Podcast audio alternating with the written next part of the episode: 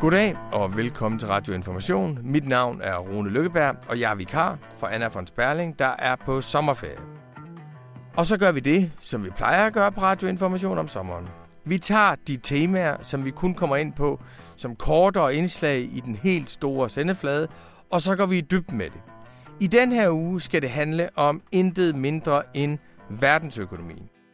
Hvad betyder egentlig det kolossale batteri af sanktioner, som Vesten har lavet mod Rusland for økonomien i vores egen lande og for resten af verden? Hvad skal vi egentlig stille op, samtidig med at vi har de her sanktioner, med en kolossal fødevarekrise i Afrika? Hvad betyder inflationen for vores økonomi? Hvad betyder de stigende energipriser? Og hvad betyder det, at forsyningskæderne stadigvæk ikke fungerer? Det er faktisk hele den verdensøkonomi, som vi har vendet os til i det 21. århundrede, der er fuldstændig og radikalt udfordret. Man kan sagtens sige, at den økonomi har skabt meget store klimaødelæggelser. Det mener vi jo her på Dagbladet Information. Man kan også beklage, at den har skabt enorm ulighed. Det mener vi også her på Dagbladet Information. Og man kan sige, at den grundlæggende har det problem, at den aldrig er blevet til en retfærdig økonomisk verdensorden. Og nu står vi så i en situation, hvor den er fuldstændig og dels fundamentalt udfordret. Hvad betyder det for vores politik? Hvad betyder det for krigen i Ukraine? Hvad betyder det for den verden, som vi er i færd med at skabe? Og hvad betyder det ikke mindst for den grønne omstilling? Ja, så skal vi bare lige have de her skønne mikrofoner på. Ja. Bum. Det er skønt. Tak skal du have. Til at diskutere alle de spørgsmål, og til at føre os igennem det, har jeg inviteret den forhenværende finansminister Bjarne Korydon, som i dag er chefredaktør på den avis, som vi kalder for juniorudgaven af Financial Times i Danmark, nemlig Børsen. Yes, jamen øh, jeg tror faktisk klokken er lige ved at blive 17.30, men øh, jeg synes dem, der er kommet tidligt, de skal belønnes. Så vi går bare i gang nu. Det gør vi. Samtalen blev foretaget i midten af juni på folkemødet på Bornholm. Det forklarer også, hvorfor man kan høre nogle stemmer og noget råb og noget klapsalver indimellem, sågar også nogen, der griner i baggrunden. Der er lidt mere liv, end der plejer at være omkring den her samtale. Og jeg håber, I vil acceptere, at når man får lidt mere liv, så kommer der også lidt mere støj. Det er jo sådan, det hele hænger sammen. God fornøjelse. Bjarne Korydon, som er en utrolig god ven af Dagbladet Information, og som er chefredaktør på en avis, som er helt fantastisk god. Jeg vil sige, Børsen er den første avis, jeg læser hver aften, når den kommer som e-avis, fordi den er blevet så skide god. Der er et virkelig savligt økonomisk overblik i den, og koblingen mellem det, der sker i Danmark og det, der sker ude i verden, får man faktisk afdækket i børsen. Det er også noget af det, jeg ved allermindst om. Så øh, børsen er blevet en fantastisk avis, og tak til dig, Bjarne, for at du vil komme her. Men skal vi ikke bare stoppe det her? Det var, det var mega godt. Tak skal du have. Og lige måde. Øhm, jeg vil sige, at, at jeg bruger jo børsen lidt som sådan en juniorudgave af Financial Times i Danmark.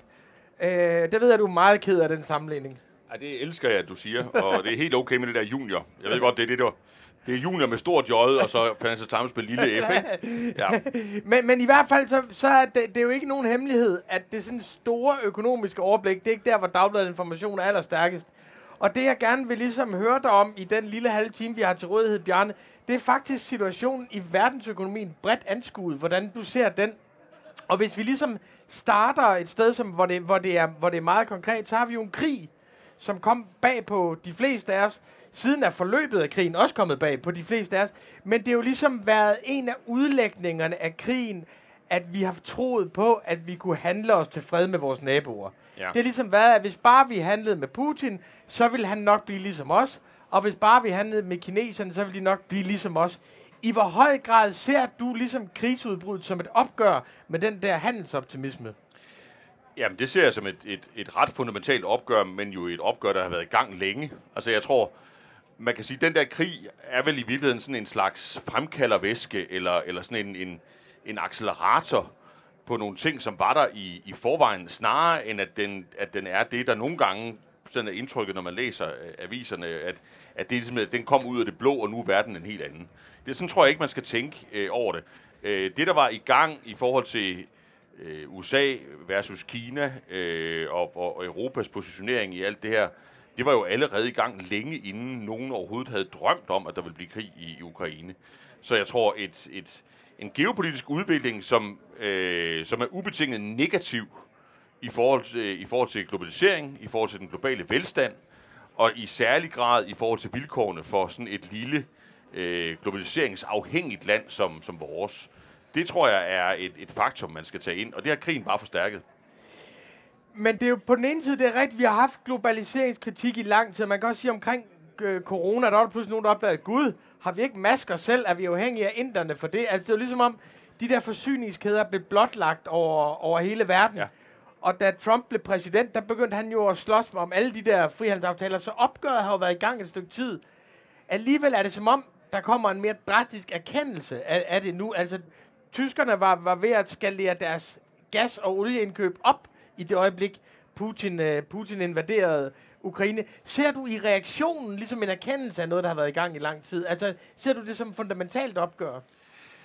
Ja, altså det, fundamentalt er jo et stort ord, selvom det bruges meget på et folkemøde, ikke også? Men, men, men jeg tror, i forhold til den, til det vi er, det vi har kendt som en slags normal, altså det du, det du har bygget alle dine analyser på, det jeg har bygget alle mine analyser på, det der har præget, nu er vi jo pænt jævnaldrende i et eller andet omfang, det der har præget altså samfundsudviklingen i vores modne eller, eller voksne år, så er det jo et fundamentalt skift. Altså så er det jo et skifte væk fra en, en, en, en, en tro på, at hele verden er et marked, og at man kan have funktionel specialisering øh, og komparative fordele, som genererer en gevinst, vi så kan dele, øh, som ikke ville være der, hvis ikke vi handlede så meget sammen. Det, det tror jeg, man må sige, at, at der er et opgør på, på vej. Og det tror jeg bare ikke, altså det kan man jo have mange holdninger til, det tror jeg også, vi skal, måske skal dyste på. Jeg tror bare, den nøgterne analyse er, at det er ubetinget skidt for Danmark. Og der er bare indiskutabelt. Altså, jeg mener, det er faktuelt man kan selv slet ikke rejse et enkelt spørgsmål ved, om det, om det er negativt for Danmark, for det vil det være. Det vil koste os velstand. Det vil gøre det vanskeligere for os at navigere i, i verden. Det vil formentlig også betyde, at vi skal til at gå på kompromis med nogle ting og bukke nakken på nogle værdimæssige områder, vi, vi slet ikke bryder os om. Øh, så, så det synes jeg, man skal se på med stor alvor. For det, det er jo sjovt, du, øh, du, altså jeg tror, indtil nu, der, øh, du, du ved mere om det her, så jeg siger bare, at jeg er enig med dig. Ja, det er godt. Keep it going. ja, jamen det, det, det, det, skal vi nok holde kørende. Men det er sjovt, fordi lige i øjeblikket er der jo lidt den modsatte fornemmelse i Europa at det er nu, vi står op for det, vi tror på. Vi har bildet os ind, at vi kunne bare få billig olie og gas fra Putin uden nogen omkostninger. Og nu er det, at vi siger, at det vil vi ikke finde os i længere. Der er jo sådan en beruselse af handling i, i, ja, i, ja. i, i øjeblikket. Sådan en intoxication of unity og action, og, og sådan en Vesten er genfødt og, ja. og sådan noget. Men, men det er der da også et element af. Det vil jeg heller ikke, altså, det, det vil jeg ikke tage væk fra. Det kan, altså, jeg, jeg havde det på et personligt niveau, sådan jeg synes, der er noget kolossalt opmuntrende i den måde, man har evnet, i hvert fald i en fase. Nu må vi se, om det bliver lidt mere uh, splittet i, i den næste fase, men man har jo en fase evnet at håndtere krigen og Rusland i, i stor enighed i Europa, og faktisk også mellem Europa og USA. Øh, og, og du har jo ret i, at, der, at det har gjort noget godt, formentlig for det europæiske samarbejde. Øh, og det der, jeg er jo verdensberømt for udtrykket nødvendighedens politik.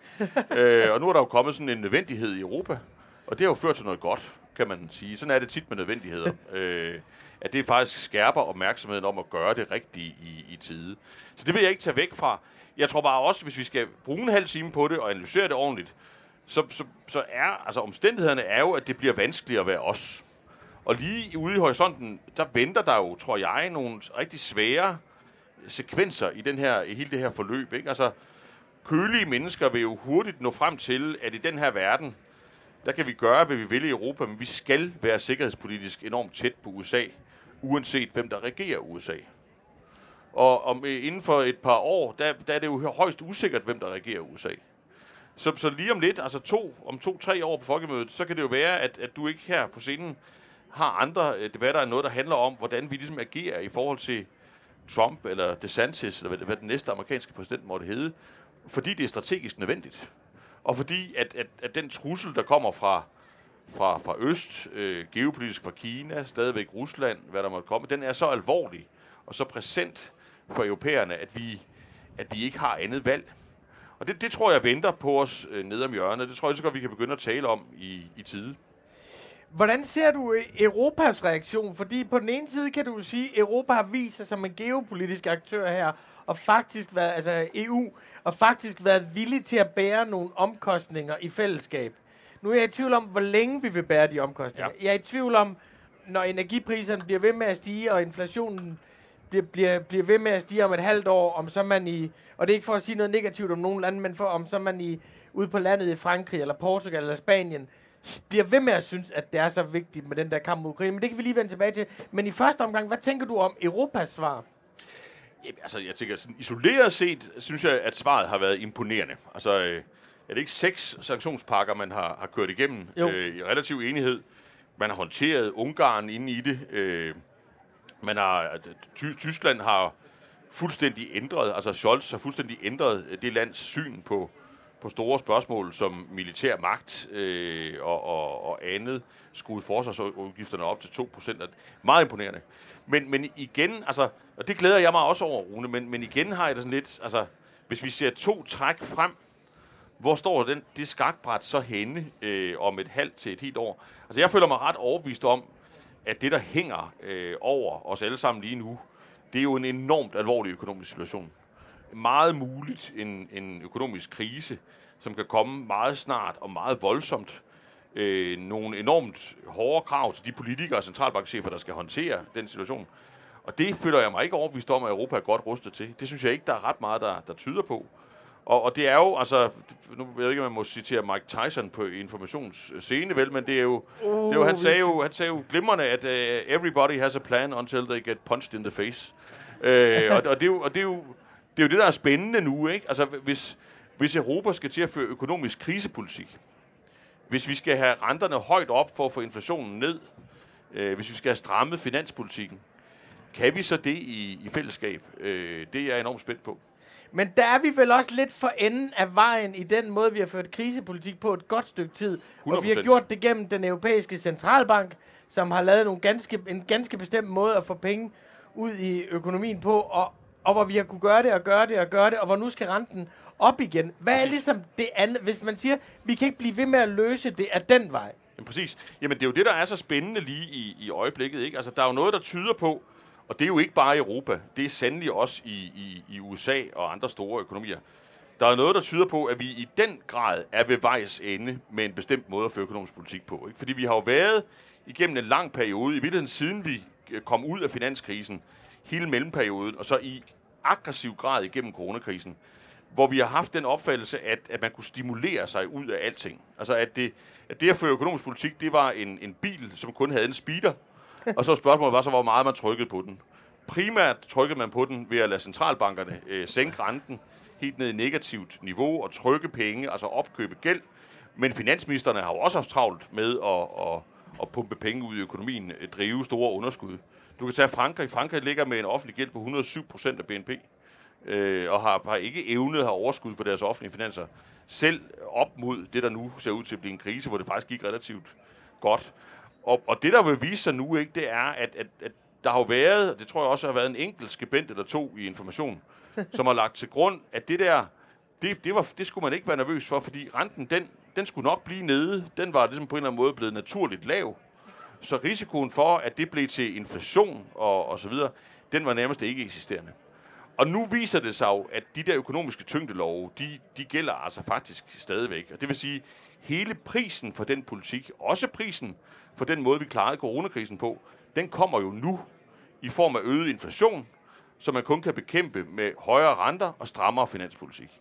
Og, det er jo, og der er jo sådan en timing issue i, altså hvis ikke man får det gjort i tide, så risikerer man jo at sejle ind i en virkelig alvorlig situation, ikke? hvor man både har høj inflation og øh, lav vækst, stigende arbejdsløshed. Så det er virkelig, altså, det er virkelig et moment lige nu. Øh, watch it. Jamen, jeg vil sige, at information er jo en del af alle samfundets erkendelsesprocesser. Det det. Og det vil sige, at vi cirkulerer en del konventionelle sandheder, som vi jo så inviterer kloge folk ind til at Det er korrigere det. for det os. Det, det er det. Men, men du skal bare tænke på, altså, der, altså, der er jo virkelig ikke, det er jo ikke lang tid siden, det er jo sådan et halvt til et helt år siden, at man havde også begavet folk, som sagde, at altså, det, nu, nu er det med at låne en masse penge, det er med at investere en masse penge, lad os nu komme derud af. Øh, renten er 0 eller negativ. Det har vist sig, at, at det ikke giver højere inflation. Så skal vi bank med at give den noget, noget, noget skrald på klimainvesteringer og på velfærdsinvesteringer og på human capital investeringer osv. Og det, det er jo alt sammen dejligt, men, men det viser sig jo bare nu, at det var en illusion. Det viser sig nu, at, at nu er opgaven i virkeligheden en helt anden, hvis man vil styre økonomien. Og det er at få strammet op, før det løber løbsk. Og der kan man jo spørge sig selv, de politiske systemer, vi har i Vesten, er de egentlig i stand til det? Fordi jeg tror, selv hvis den intellektuelle erkendelse øh, virkelig fik lov at brede sig, og det tror jeg, den kommer til, så tror jeg jo, man vil sidde i den amerikanske centralbank, i den europæiske centralbank, i den franske regering, i den tyske regering, i den amerikanske regering og sige, det der politiske system, vi sidder på toppen af, kan de bære sådan en hestekur? Eller bliver vi kastet af, hvis vi prøver? Og, og det tænker jeg er tidens i virkeligheden største øh, og mest risikable øh, sådan situation, hvis du spørger mig. Men der er vel også inden, altså inden i, i, i den situation, hvis det ligesom er verdensøkonomiens præmis, i hvert fald i, i den nordlige del af verden, hvad tænker du så om hele det der kolossale batteri af sanktioner, man har lavet mod Putin? I første omgang jo for at straffe ham. I første omgang, fordi man tænkte, det vil ikke vare særlig lang tid. Men nu har man jo lavet et enormt batteri af sanktioner, som rammer ham meget hårdt, men det rammer jo også sig selv meget hårdt. Ja. Hvad, tæ- altså, hvad tænker du om den? Det er jo en slags økonomisk krigsførsel, uden nogen vedtagende succeskriterier, andet end ting, vi ikke... Altså, sanktionerne kommer ikke til at stoppe krigen, de kommer ikke til at vælge Putin. Og uden nogen exit-strategi. Hvad tænker du om den? Ja, det, det, det tror jeg egentlig, jeg er rimelig respektfuld. Altså, jeg er da, jeg er da helt med på, at, at man, kan, at man kan jo godt være bekymret over, om, hvor, hvor, hvor ender det henne? Altså, hvad er slutmålet? Er det, er det regime change i Moskva? Så er det i hvert fald svært, øh, kan man sige. Og hvad kommer der bagefter? Øh, kan man knække dem i forhold til, at, at de stikker halen mellem benene og erkender deres nederlag, trækker sig ud og siger BB, og det gør vi aldrig igen? Det virker også svært. Skal man, skal man ind af på en... Altså Kissinger, Macron, Scholz osv., piper jo, øh, at, at på et eller andet tidspunkt skal man snakke med Rusland. På et eller andet tidspunkt skal man måske blive enige med dem på en måde, der vil være alt andet end idealistisk og smuk. Så jeg er med på, jeg er med på de der, øh, de der tvivlsspørgsmål, men jeg synes gennemgående det, at man har valgt at slå til med den store hammer, for at demonstrere, at, at, at den her koalition af demokratier i, i verden øh, ikke bare akkommoderer øh, den form for politik. Det synes jeg er rigtigt. Og jeg synes også, det er rigtigt, at man har valgt at bære øh, smerten. Fordi der er jo smerte, ikke? Der er jo økonomisk smerte på vores egen økonomi og på vores egen befolkninger. Det synes jeg er rigtigt. Det tror jeg så bare skærper øh, det, vi talte om lige før. Altså, det, altså egentlig, hvis, hvis, du, hvis du koger det ned i en bouillonterning for mig, så, altså, så, så spørger jeg mig selv, om de vestlige eliter er i stand til at føre nødvendighedens politik med stort N. Både sikkerhedspolitisk, handelspolitisk og i forhold til økonomisk styring ind over de kommende to-tre år. Fordi hvis ikke de er det, så tror jeg virkelig, at tingene ser halvalvorlige ud. Og når du siger halvalvorligt, så er det meget alvorligt.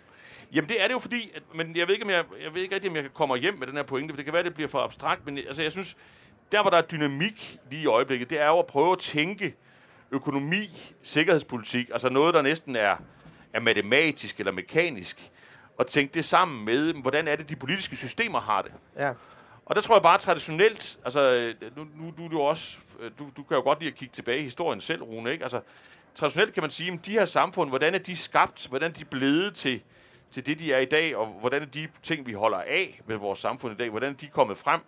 Ja, de er jo kommet frem ved, at man har evnet i perioder at træffe altså virkelig svære beslutninger, bære virkelig svære byrder. Man, man vandt den kolde krig, ikke? Man vandt 2. verdenskrig. Øh, man stod på mål for at lave globalisering, lave et globalt system af regler og, og, og så videre, og så videre. Det har jo haft ret enorme omkostninger. Øh, i, I de momenter, hvor man træffer beslutningerne, der har man da haft lyst til at, lave, at gøre noget andet. Og, og, og det har jo så kunnet lade sig gøre, fordi vi trods alt har haft robuste demokratier, som kunne bære den type byrder. Så skiftede man måske en regering ud i ny og næ, så tog man en rød i stedet for en blå, og, og så kørte det lidt videre i samme spor. Ikke? Og det man jo kan spørge sig selv om nu, det er, hvis du ser på det amerikanske demokrati, det franske demokrati, måske desværre også flere andre demokratier, hvor store byrder kan tidens politikere bede deres befolkninger om at bære, før man får noget, som er helt ustyrligt, regulært populistisk. Det, det er min frygt. Altså, det der samspil imellem, at jeg tror, at rigtig mange toppolitikere, de ved godt, hvad der skal gøres, men de tæller på knapper i forhold til, om deres befolkninger kan bære det. Ja, der tror jeg i hvert fald, min egen private bekymring, den går i aller, aller højeste grad til vores amerikanske venner. Altså, Ja. altså øh, det er ikke fordi, jeg synes, vi er super solide i Europa, men USA er vel et sted, hvor de faktisk er ude af stand til at lægge en strategi en 4-5 år frem i tiden. Fordi du aner ikke, om to måneder har republikanerne sandsynligvis vundet et midtvejsvalg, og så har du en anden kurs der. Men det, det er jeg jo selvfølgelig enig med dig i, og, og den, den, altså man kan sige, alvoren af den situation, det, det kan man ikke sige nok om, synes jeg, og, og, og også hvor, hvor, hvor skræmmende og ja, rustik den er. Ikke? Altså det, det, det kan virkelig blive, blive vildt. Jeg vil så omvendt sige, at den amerikanske elites evne til at tænke strategisk, vil jeg faktisk mene, var den europæiske elites øh, temmelig overlegen. Altså, jeg, det der med, at man har taget bestik af, at der er et geopolitisk kapløb med øh, Kina, at det i meget høj grad handler om, om teknologi, digital teknologi, og at man ikke under nogen omstændigheder må fall behind øh, på, på den del. Det tænker jeg, der er en meget dybere erkendelse af i den amerikanske elite, end der er i den europæiske øh, elite. På samme måde kan man sige, i den økonomiske politik, altså det er jo, altså man har en, en, en, en ægte uafhængig centralbank, som jeg tror øh, kommer til at slå til med den store hammer øh, her i løbet af de, de kommende øh, måneder. Og der kan man jo spørge sig selv, altså styringen af den europæiske økonomiske politik, hvem, hvem har egentlig den lige i øjeblikket? Altså, øh, det, det er svært, for centralbanken ved godt, hvad de skal gøre. De er enormt bekymrede for, at hvis de gør det, der er godt for Europa som helhed, altså hæver renten hurtigt, så rammer det de sydeuropæiske økonomier øh, hårdt, og så får man politisk ustabilitet øh, der. Så, så jeg er også dybt bekymret for USA, men jeg vil sige, hvis du kigger ned under de der ting i Europa, som har været imponerende det sidste, de sidste 3-4 måneder, så ser jeg en et, altså meget større retslør, end jeg har lyst til at se i øjnene. Jamen det, altså jeg er super bekymret for, at den der vilje til handling, altså Vesten er altid god til big moments. Vi er altid gode til patos i, i, i, i de store momenter, men de rigtige omkostninger har vi jo ikke borget endnu. Altså de rigtige omkostninger. Så jeg er super bekymret for, at man ligesom får, har en forestilling om, nu er Europa samlet. Aldrig har Europa... Præcis. Og vi er altid, altså det er, vi er altid samlet, når vi skal synge Imagine. Men det er jo ikke der, hvor det, hvor det rigtigt gælder. Og der er jeg enig med dig i, at der er Europa ekstremt udsat, fordi alle de konflikter, der var der allerede inden corona, de er der stadigvæk. Nu er der så bare inflation og stigende energipriser oveni. Ja, præcis. Og, og hvis man skal være lidt teknisk, ikke? Altså man, man havde jo et sæt økonomiske spilleregler før, øh, før coronakrisen. Dem har, dem har der været meget kritik af, meget diskussion om. Det har du, tror jeg, også selv været en del af, at det, det var for stramt, og det var for øh, det var austerity og neoliberalt og så videre, så videre. Det, det kan, du har læst meget information, ja, jeg læser, helt, jeg læser også information hver dag. Jeg holder meget, øh, det, det er meget gensidigt, vores relation. Men, men, og det var, det var måske også en rigtig kritik i et eller andet omfang. Ikke? Øh, men det, de regler dog kunne, det var jo, at der var en kontrakt, der var spilleregler imellem de europæiske lande om, hvad er det, altså, hvad er det egentlig, vi er enige om, som gør, at vi kan have en valuta sammen? Og, og det man jo så gjorde, det var, at man suspenderede de, de regler, der i coronakrisen kom. Det var nok også klogt, fordi der har man brug for ligesom at give, give los, altså give et frirum til at, at, at poste penge ud i økonomien og få os hen over det, det bump. Det, der er problemet nu, det er, at man kan jo ikke blive enige om et nyt sæt spilleregler. Altså, man, vi, Europa står jo uden økonomiske spilleregler. Der er ingen regler, øh, som, man, øh, som, som dybest set guider, hvordan landene skal spille sammen om at løse den her økonomiske øh, krise. Der er heller ikke nogen regler, som centralbanken kan læne sig op imod, når de skal ind og føre deres pengepolitik. Og det er da, øh, det er da skræmmende at være i, i sådan et vadested. Og det er det, jeg synes ligger lige nede under den der øh, jo ellers imponerende handlekraft, vi har set de sidste 3-4 måneder. Og nu har det jo været så optimistiske og lyse analyser, vi ja, har det har været skide godt. Men, men øh, så derfor bliver jeg nødt til lige at blande noget andet ind i det, fordi sagen er jo, at vores situation i dag er, at vi bliver nødt til at kunne forholde os til flere kriser på samme tid. Ellers så går det galt. Altså, vi kan godt forholde os til en økonomisk krise, men vi kan heller ikke ignorere en klimakrise. Præcis. Og den klimakrise er kun blevet mere radikal, og der er der også den her... Nu laver vi grøn omstilling som sikkerhedspolitik, og det her jeg er meget skeptisk på holdbarheden af. Og nu er det demokratierne mod autokratier, og så tager Biden til Saudi-Arabien og ja, siger, det, siger, kan vi ikke købe noget hos jer? Og Maduro i Venezuela er skide, skide god idé. Hvordan ser du ligesom den grønne omstilling i det her særlige moment? Jamen, altså, den, den har jeg også en, en, en bekymring for, hvis jeg skal sige det øh, lige ud. Og, det, og, den, og den, det er altså... Jeg ved ikke, om min grønne troværdighed er helt i top i sådan et publikum som det her, men, men, men jeg er faktisk besjælet af en, en opfattelse af, at den der sag er alvorlig, og den er, i modsætning til mange andre samfundsproblemer, så er der jo et ur, der tigger på det. Præcis. Altså man kan jo sige, med meget af det andet, der diskuteres her på, på pladserne rundt omkring, så kan man sige, at det er jo alvorlige problemer, men de kan faktisk godt vente. Ja. Altså, og det gælder jo, altså, problemer med social mobilitet, problemer med velfærd, problemer med andet. Det er hjerteskærende, hvis de skal vente. Men, men det kan de godt, øh, hvis, det, hvis det skal være. Det kan klimakrisen jo ikke. Altså, hvis ikke man ligesom har, har fikset det der i, jamen det er jo altså højeste 10 år, ikke?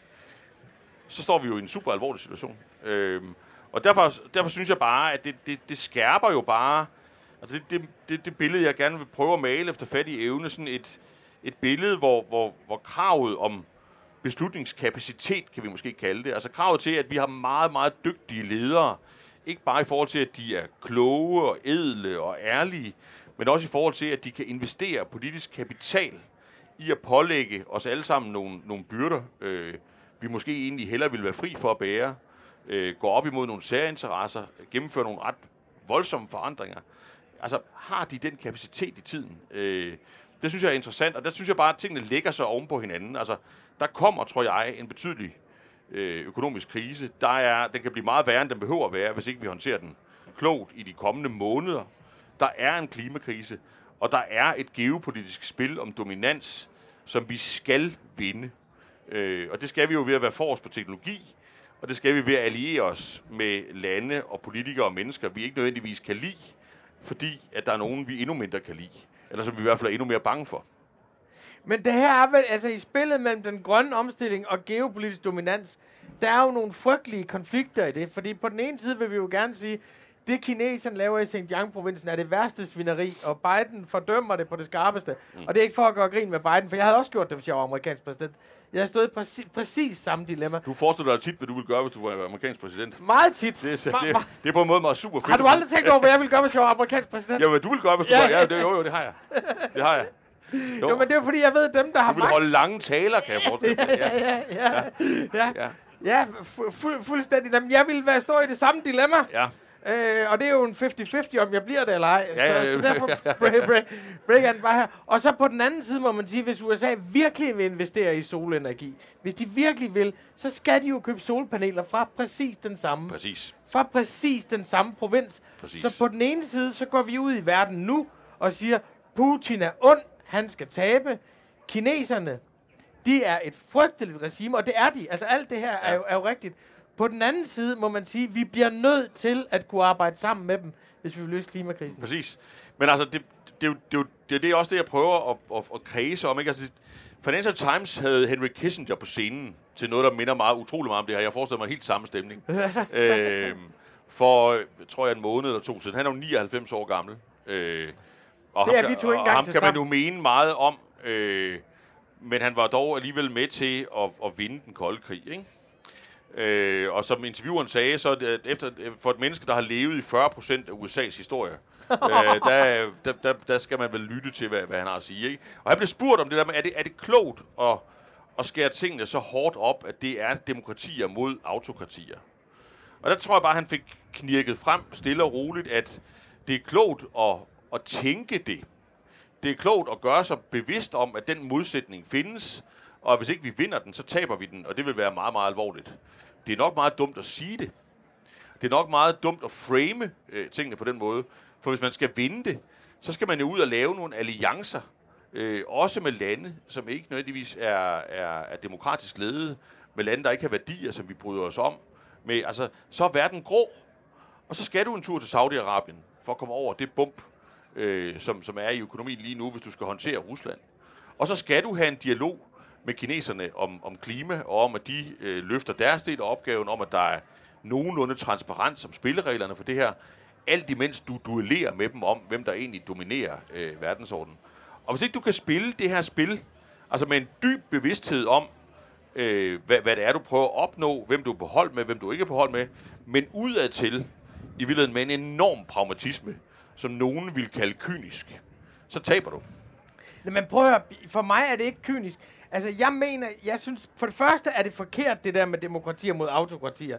Yes. Sydafrika og Indien har, er, de er sgu demokratier. De vil så noget andet. Men for det andet, og værre endnu, så er det jo en total fejllæsning af vores egen historie. Hvorfor vandt vi 2. verdenskrig? Det gjorde vi, fordi vi allierede os med det næststørste svin i verden. Stalin om at knække det allerstørste svin i verden. Præcis. Det var derfor, jamen det var ikke sådan noget, altså Roosevelt sagde Arsenal of Democracy, ikke? Men det var jo et kampråb for fanden. Altså, vi havde aldrig nogensinde vundet 2. verdenskrig.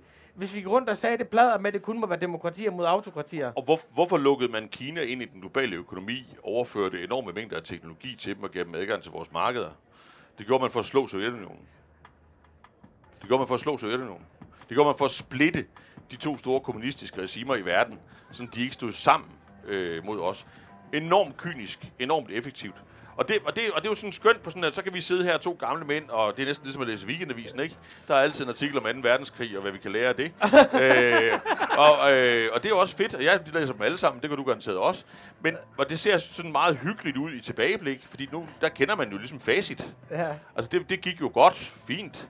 Men når man, skal, når man skal applicere det blik på fremtiden, så kræver det jo en enorm åndelig mobilisering. Altså, hvem plæderer for mere kynisme i tiden øh, af, af, af nødvendighed? Sikkerhedspolitisk nødvendighed, klimapolitisk nødvendighed, økonomisk nødvendighed. Det ville da være en, nogle, en spændende serie af ledere i information. Jamen, prøv at høre, jeg, Bjarne, jeg, altså, jeg synes jo ikke, det er kynisme. Jeg synes, det er en eller anden form for besindelse på, hvordan verden er indrettet. Vi er meget, meget forskellige i den her verden. Der er nogen, der synes, det her er en god måde at indrette sig på. Der er nogen, der synes, det her er en god måde at indrette sig på. Men vi vil alle sammen gerne have, at vores børn har en grøn jord at leve på. Så for mig er det ikke kynisme. Det er ligesom, øh, det, det er at misforstå idealisme, hvis man tror det.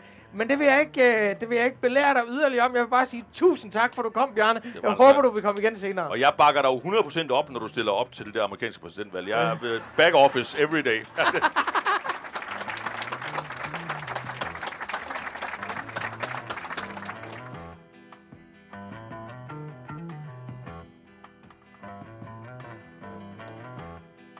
Det var min samtale med Bjarne Korydon, som er den tredje af vores sommersamtaler, som vi holder, mens Anna von Sperling er på ferie, og hvor vi prøver at komme rundt om nogle af de helt store temaer og give os god tid til det. Den her samtale var som alle de andre udsendelser, vi laver her på Radio Information, produceret af vores meget gode ven, trofaste hjælper, Anne Pilegaard Petersen. Jeg siger tak til Anne endnu en gang, og jeg siger tak til jer for, at I vil lytte med. I næste uge kommer den sidste af vores særlige sommersamtaler, og jeg tror godt, jeg kan love nu, der bliver tale om et regulært brag. Tusind tak for nu. Mit navn er Rune Lykkeberg.